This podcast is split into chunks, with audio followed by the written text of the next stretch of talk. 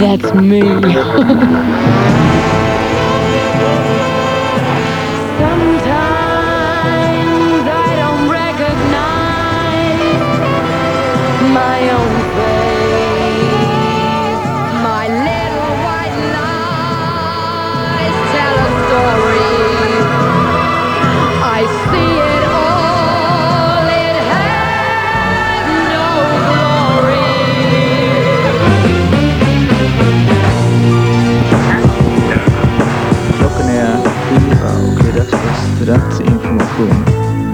Idag eh, på Malmö så kan du gå på puben som eh, öppnar klockan halv åtta och slutar klockan två. Och eh, du kan även om du vill gå in på Värmland som har idrott i Svaneskolan, alltså Värmlands ordnare. Och det är från klockan sex till sju. Mer information kan du få i avspåren mellan 10 och 4. Jag som informerar heter Miguel.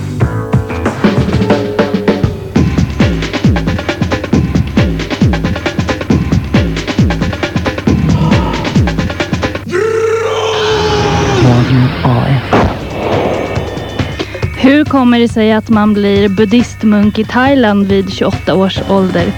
Vrål får i andra timmen besök av Natiko Biko som är just buddhistmunk. Många frågor har jag och jag hoppas att jag ska få många svar av honom här i Vråls andra timme.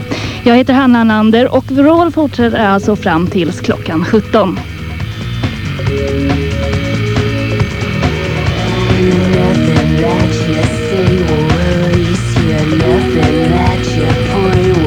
Forgive you. Nothing's what your words mean to me.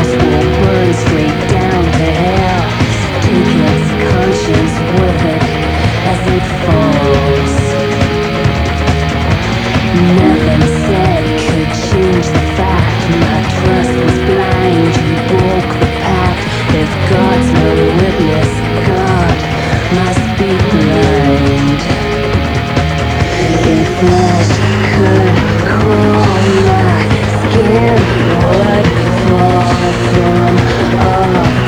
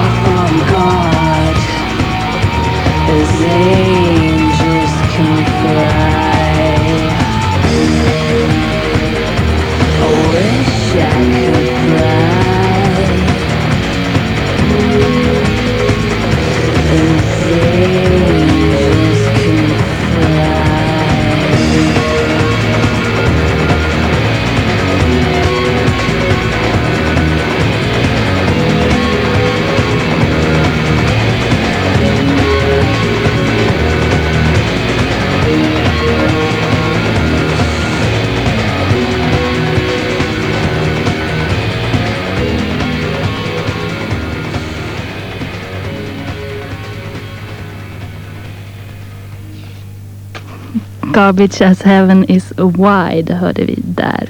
Och med mig i studion nu så har jag Natiko Biko. Uttalade ditt namn rätt nu? Något sånär. Mm. Attiko Bikko. Välkommen till Vrålstudion. Tack så mycket. Du är eh, på besök här i Sverige. Ja, det är mitt första besök hemma i Sverige på sju år. Jag lämnade Sverige för drygt sju år sedan för att bli munk i Thailand. Okej. Ehm, ja, ehm, det finns många frågor här som jag vill ställa. Man kanske ska börja bakifrån då, din, eller din bakgrund. Sådär. Du kommer alltså från Sverige, från Göteborg från början. Ja, just det. Mm. Och eh, bakgrunden nu så var jag, jag var civilekonom, läste på Handels i Stockholm. Jobbade med ekonomi i ett stort svenskt företag i tre år. Och kände sen att jag ville, det- jag kände som om det finns någonstans någonting annat. Jag var inte riktigt, kände inte att jag var på rätt plats i livet än. Och jag var inte riktigt säker på vad som var min plats heller. Och därefter följde ett par år när jag provade olika saker. Jag var dagisfröken, jag jobbade lite grann på Greenpeace. Jag jobbade i Indien för ett FN-organ ett år med ett fiskeriprojekt. Men hittade aldrig riktigt någonting som kändes som om det här är min plats. Eh, innan året i Indien så var jag ryggsäcksturist i Thailand och hamnade mer eller mindre av en slump på ett kloster i norra Thailand där det finns möjlighet att lära sig om meditation för västerländska turister. Och jag var inte där många dagar för mina förväntningar var ganska orealistiska. Jag visste väldigt lite om meditation. Men jag var imponerad av stället och jag var imponerad av lärarna. Och jag återkom ett år senare. Och då fullföljde jag kursen som var en månad lång. Och kände då att det här var någonting som jag hade hittat som var värt att ägna sig åt. Som kände det var eh, det var någonting av det jag hade sökt innan. Men jag visste inte riktigt hur man skulle kunna fortsätta och utveckla intresset. I biblioteket i det här klostret så fanns det böcker som var dels översättningar av en thailändsk meditationsmästare som hette Ajahn Chah och dels eh, föreläsningar gjorda av hans västerländska lärjungar. Munkar från väst som hade varit munkar länge. Och det var väldigt inspirerande att läsa om munkar då som kommer från min kulturella bakgrund, västerlandet. Och som hade hittat rika liv i den här konventionen som kallas då thailändsk skogsmunkstradition. Så att eh, jag åkte hem igen och förklarade för mina föräldrar att jag vill bli munk. och min mamma såg lite förvånad ut och sa mycket klokt att men du har ju ingen aning om vad det innebär och du känner ju ingen som har varit det. jag sa att nej det vet jag men det är det enda jag vill här i livet. Och jag tror att jag har hittat någonting som jag kan, kan ägna mig åt och tycka om. Och sen följde en period när jag eh, gjorde mig av med de sakerna jag ägde hemma i Sverige och levde hos mina föräldrar. Och mitt liv förändrades ju rent praktiskt den här perioden. Eh, jag började leva då efter de levnadsreglerna som buddhan föreslår att alla buddister ska leva efter. Det innebär bland annat att man inte dricker alkohol, att man är försiktig med att inte ge sig ut på, ska vi säga, att vara otrogen eller någonting sånt.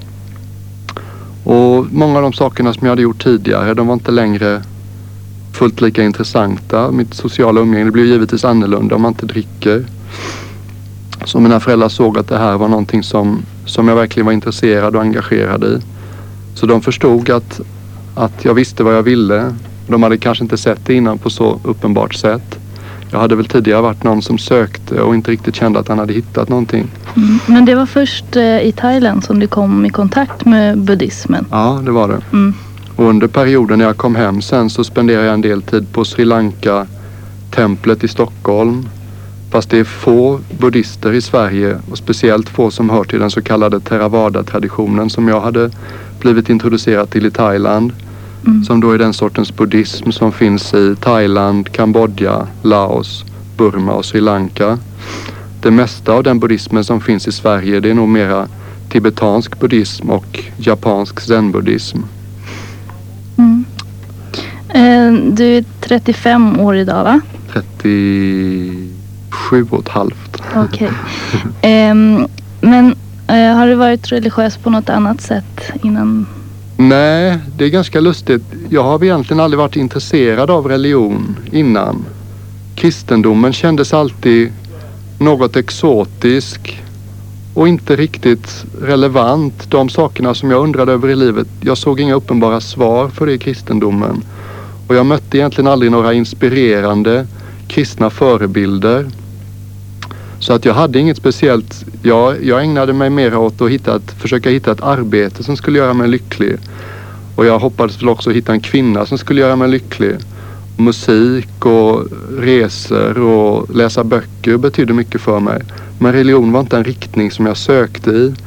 Så därför var jag kanske lite förvånad på vissa sätt när jag hittade då en till det yttre ganska konventionell religiös form då som jag den var kanske inte omedelbart inspirerande men de människorna jag mötte i den här miljön framförallt då abboten som var en kanadensare, klostret i Thailand och viceabboten som var en engelsman. De var de mest imponerande människorna jag någonsin har mött och ganska omedelbart kände jag att de här männen kan jag lita på i alla lägen. Och eh, inte bara genom vad de sa utan hur de spenderade sin dag så var de oklanderliga förebilder. Och det är väldigt inspirerande att leva med sådana människor. Jag kände att jag hade hittat hem. Och känslan av att livet är någon annanstans och det här är inte riktigt min plats. De känslorna försvann och aldrig kommit tillbaks igen sen. Men du sa i alla fall att du eh, kanske hade sökt eh, vad du skulle arbeta med. Ja. Ehm, hade du någonsin tänkt på att du skulle bli munk någon gång? Nej. En gång efter min korta karriär i näringslivet så gick jag med en god vän eh, på Kungsportsplatsen i Göteborg och så, så försökte han trösta mig för han var i samma situation. Han hade en kort karriär inom reklambranschen bakom sig. Vi läste litteraturvetenskap i Göteborg och visste inte riktigt vad vi skulle göra med vårt liv. Och så sa han, en av mina kollegor på reklambyrån, han sa en gång att Andreas, när jag var i din ålder, då visste jag inte ens att mitt jobb fanns. och när Andreas sa det till mig så tänkte jag, ja det där låter ju bra men det gäller nog inte mig. men det blev faktiskt sant för mig också. För när vi gick där på Avenyn så måste jag erkänna att buddhistmunkens liv, det var inte någonting som jag hade riktigt inkluderat i min världsbild. Okej, vi ska prata med, mer med dig alldeles strax. Natiko. Så eh, stanna kvar här.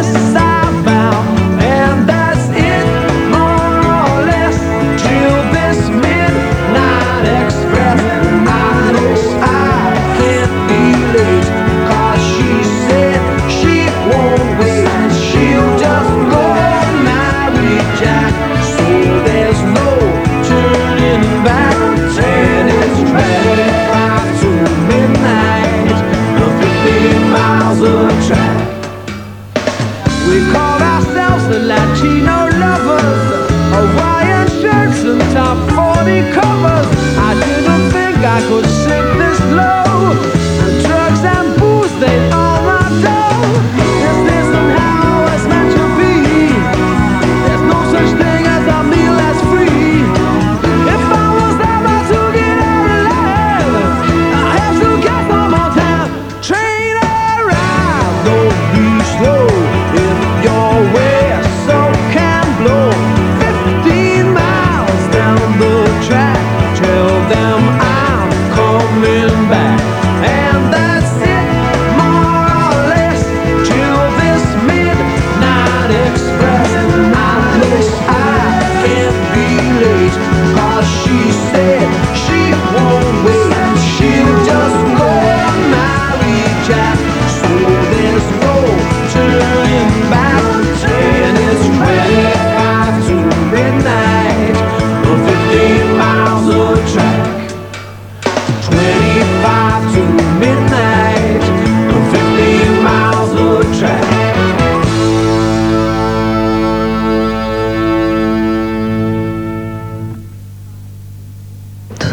25 to midnight med Sting. Och jag sitter här med Natiko Biko i studion som är buddhistmunk i Thailand sedan sju år tillbaka. Men nu är han alltså på besök här i Sverige. Jag tänkte att du kanske skulle kunna berätta för oss lite om, om klosterlivet då som buddhistmunk i Thailand. Den, den sortens buddhistmunksliv som jag lever, där understryks en slags, det är inte uteslutande meditation som är det viktiga i vårt liv utan vi förväntas odla sinnesnärvaro, vakenhet, vaksamhet, alerthet genom alla dagens aktiviteter. Och ingenting anses viktigare än någonting annat. Och det är ett ganska vackert sätt att leva, liksom att en dag så kanske abboten ber dig att hålla en föreläsning för en, flera hundra människor om Buddhas lära. Och nästa dag blir du ombedd av någon att städa toaletterna. Men vårt sätt att träna det är att vi gör vad, vi, vad som är den rätta saken att göra. Med så mycket sinnesnärvaro som möjligt och ägnar oss åt bara det när vi gör det. En, en vanlig dag kan börja med att klockan går vid tre och då bor vi i små hyddor i skogen. Normalt sett är de så pass skilda från varandra så du ser inte grannen. Och halv fyra på morgonen så möts vi i en, en vacker byggnad utan väggar med tak. Och så sjunger vi, eh, så jag vill säga, buddhan eh, presenterade sina insikter på ett språk som heter pali. Och då sjunger vi de här föreläsningarna som han gav på pali och en del av det har vi översatt till engelska för att sjunga saker som alla förstår också i ungefär en halvtimme tillsammans. Och sen så mediterar vi ungefär en timme tillsammans sittandes. Hur, hur många munkar är ni? Där? Eh, det varierar.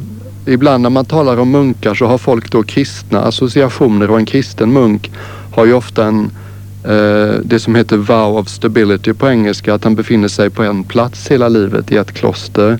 Vi är hemlösa vandrare utan fast adress så att vi uppmuntras att röra på oss ganska mycket. Men nu för tiden så finns det så lite skog kvar i Thailand därför att det har huggits ner det mesta. Så skogsklostren hör till de få platserna där det fortfarande finns fin skog att leva i. Så att nu är det mer att man vandrar mellan kloster snarare än ute i naturen. Men eh, säg en normal dag så är det väl kanske mellan 15 och 20 munkar och noviser. Och säg att drygt hälften kommer från Nordeuropa eller Europa och Nordamerika.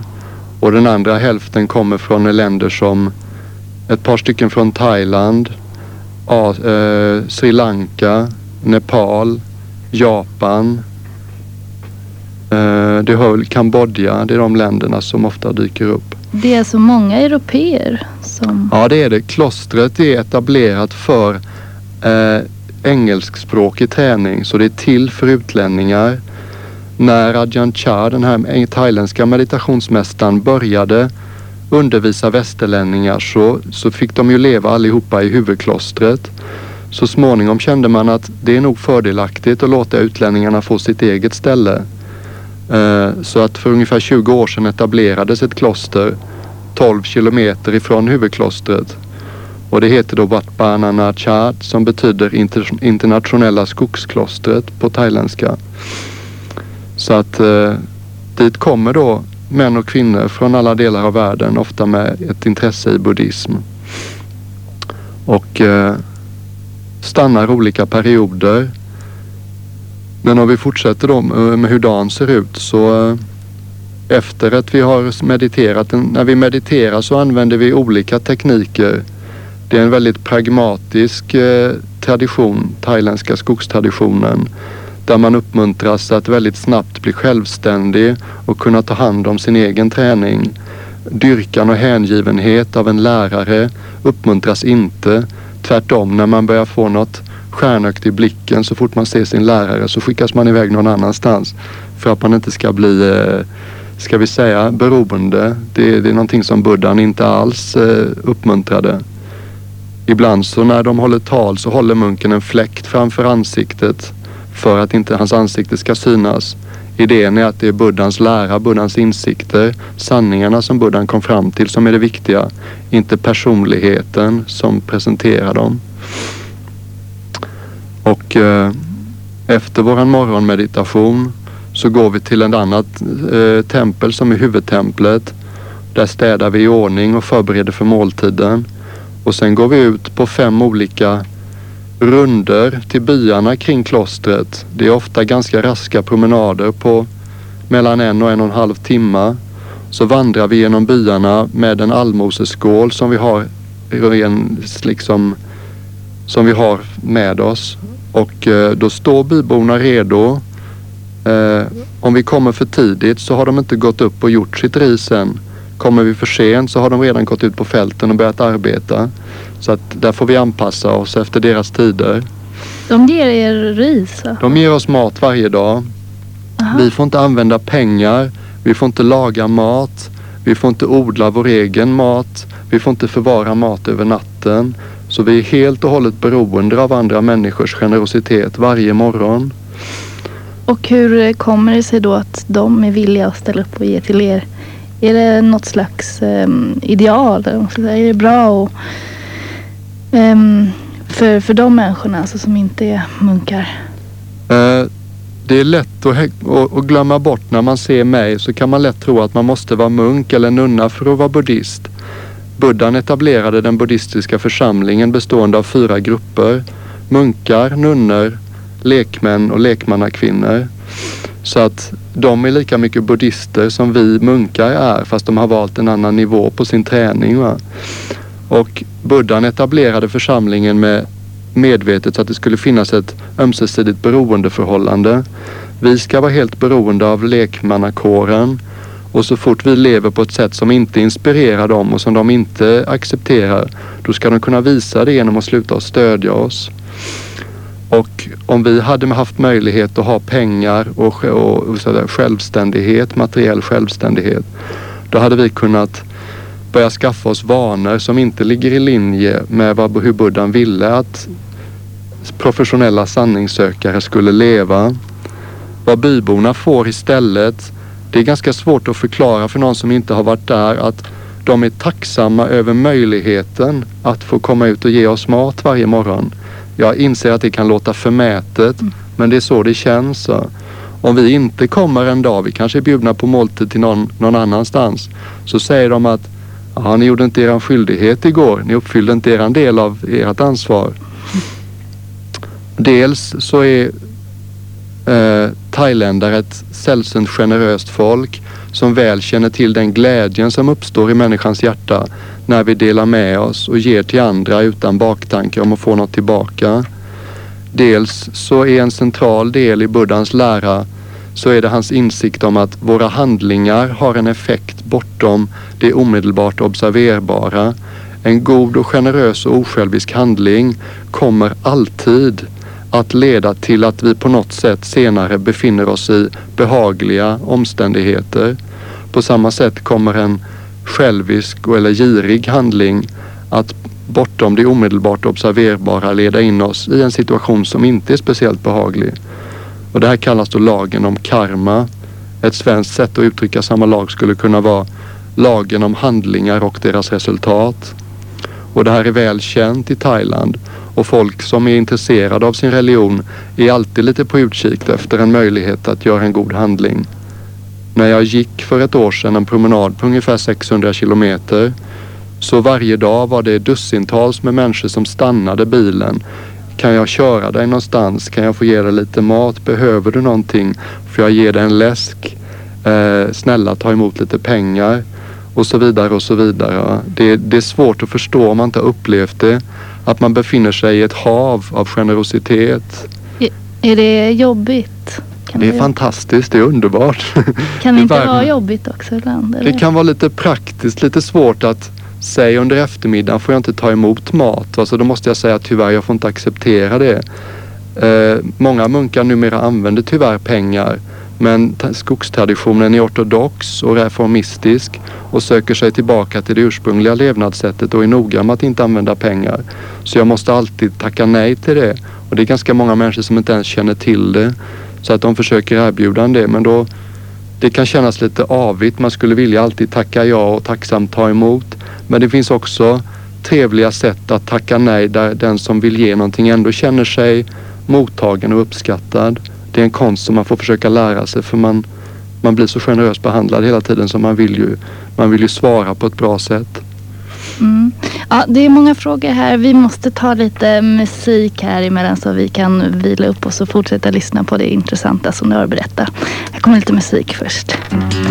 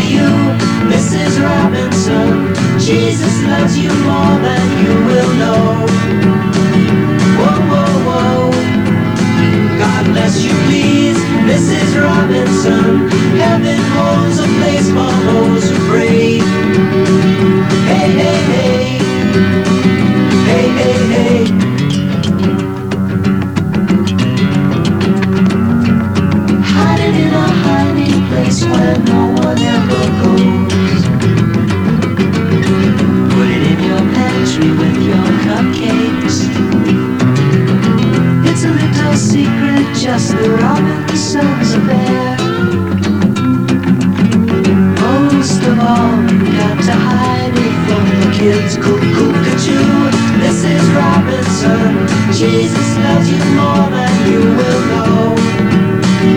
Whoa, whoa, whoa. God bless you, please, Mrs. Robinson. Heaven holds a place for those who pray.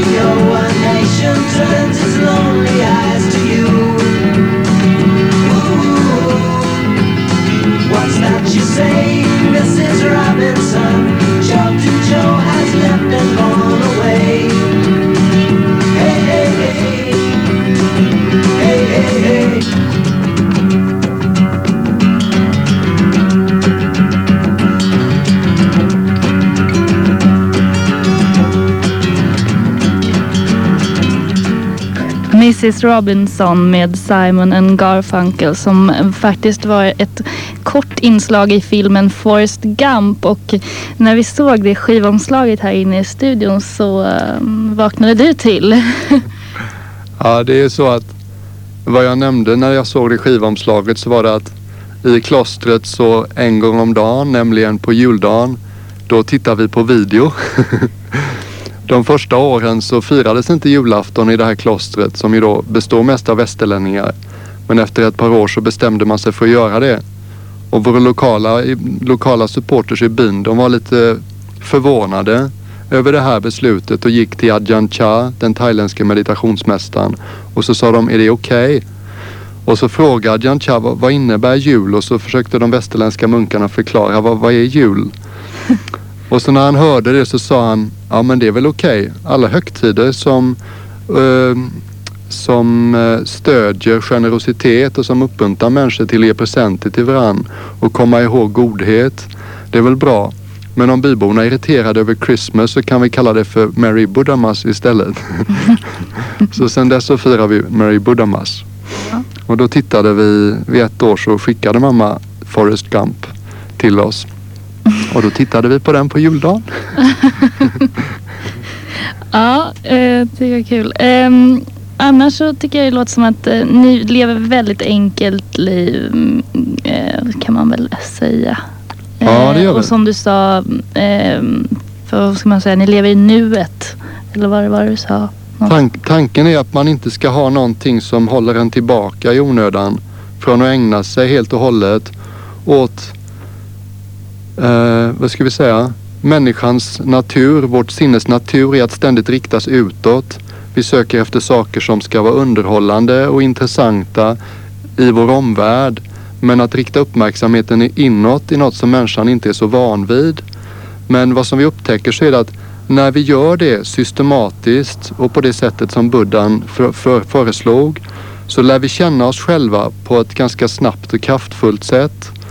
Och när vi lär känna oss själva och hur vi reagerar och hur vi fungerar så lär vi också känna andra människor därför att alla människor är likadana i grund och botten. Så det är så att säga ett sätt att bli mera vän med sig själv och mera vän med andra. Mm. Men när du nämner det här också då med videon. Hur är det, får ni ha ägodelar och sådär i klostret? Ja, vi lever efter en sida av thailändska skogsmunkstraditionen är att man då försöker att följa alla de reglerna som buddhan fastslog för munk och nunneorden.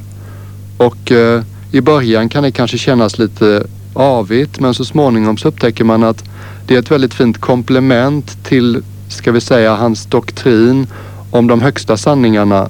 För det ger en väldigt praktisk och handgriplig beskrivning av hur en fullt upplyst person lever sin dag. Så att man blir mer och mer intresserad av att följa alla de här reglerna i detalj och förstår att det är en fullt upplyst människa som vet mycket mer än en själv som stiftade dem. Och det gör då rent praktiskt att vi äger lite eh, de absolut nödvändiga ägodelarna det är tre munkkåpor, en allmoseskål, ett rakblad och ett skärp och nål och tråd. Men sen har vi då ofta lite mer saker. Man har sina toalettartiklar, lite extra kläder för det blir kallt också ibland i nordöstra Thailand.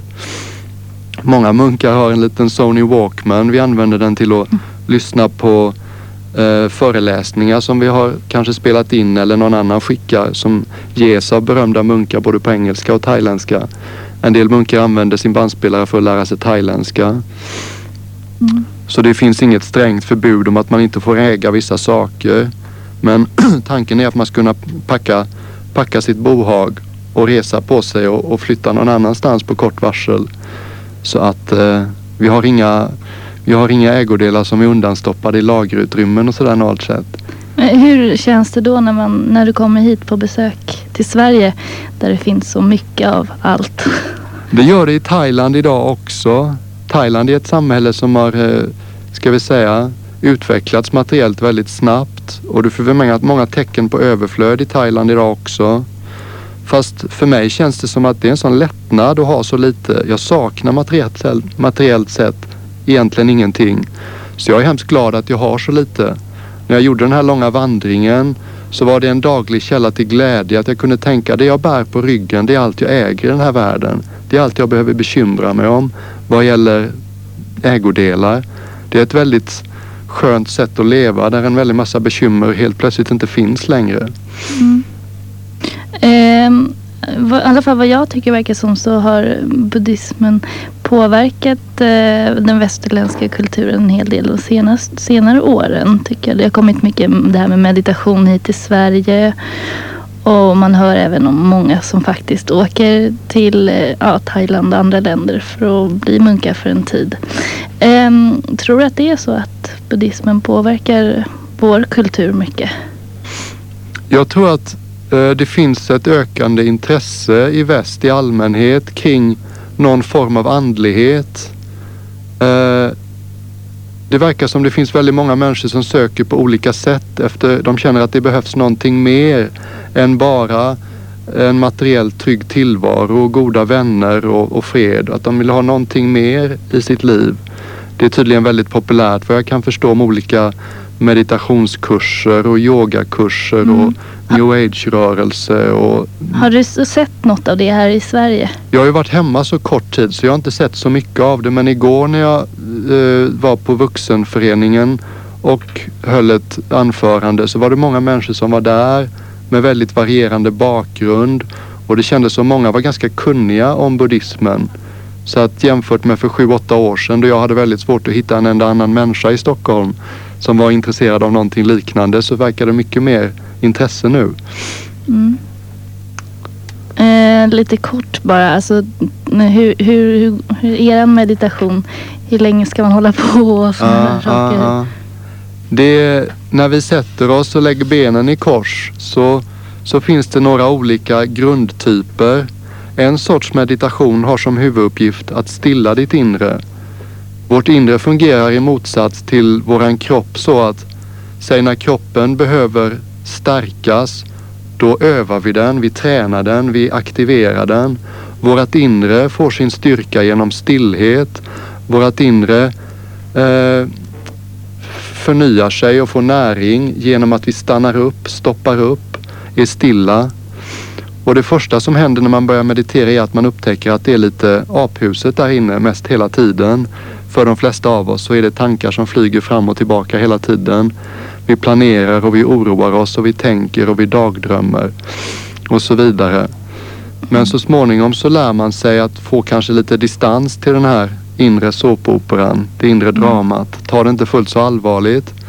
Och då brukar man ta upp ett meditationsobjekt. Det kan till exempel vara andningen. Och på ett avslappnat sätt så ägnar man sin uppmärksamhet åt in och utandningen och uppehållen mellan in och utandningen. Det kan man göra vid näsan eller i magen eller i bröstet eller ingen speciell stans utan bara den allmänna känslan. Och i takt med att man gör det så, så småningom så börjar tankeflödet stanna upp en smula. Det blir lite tystare. Det blir lättare att särskilja vilka tankar och känslor och idéer som passerar genom vårt inre.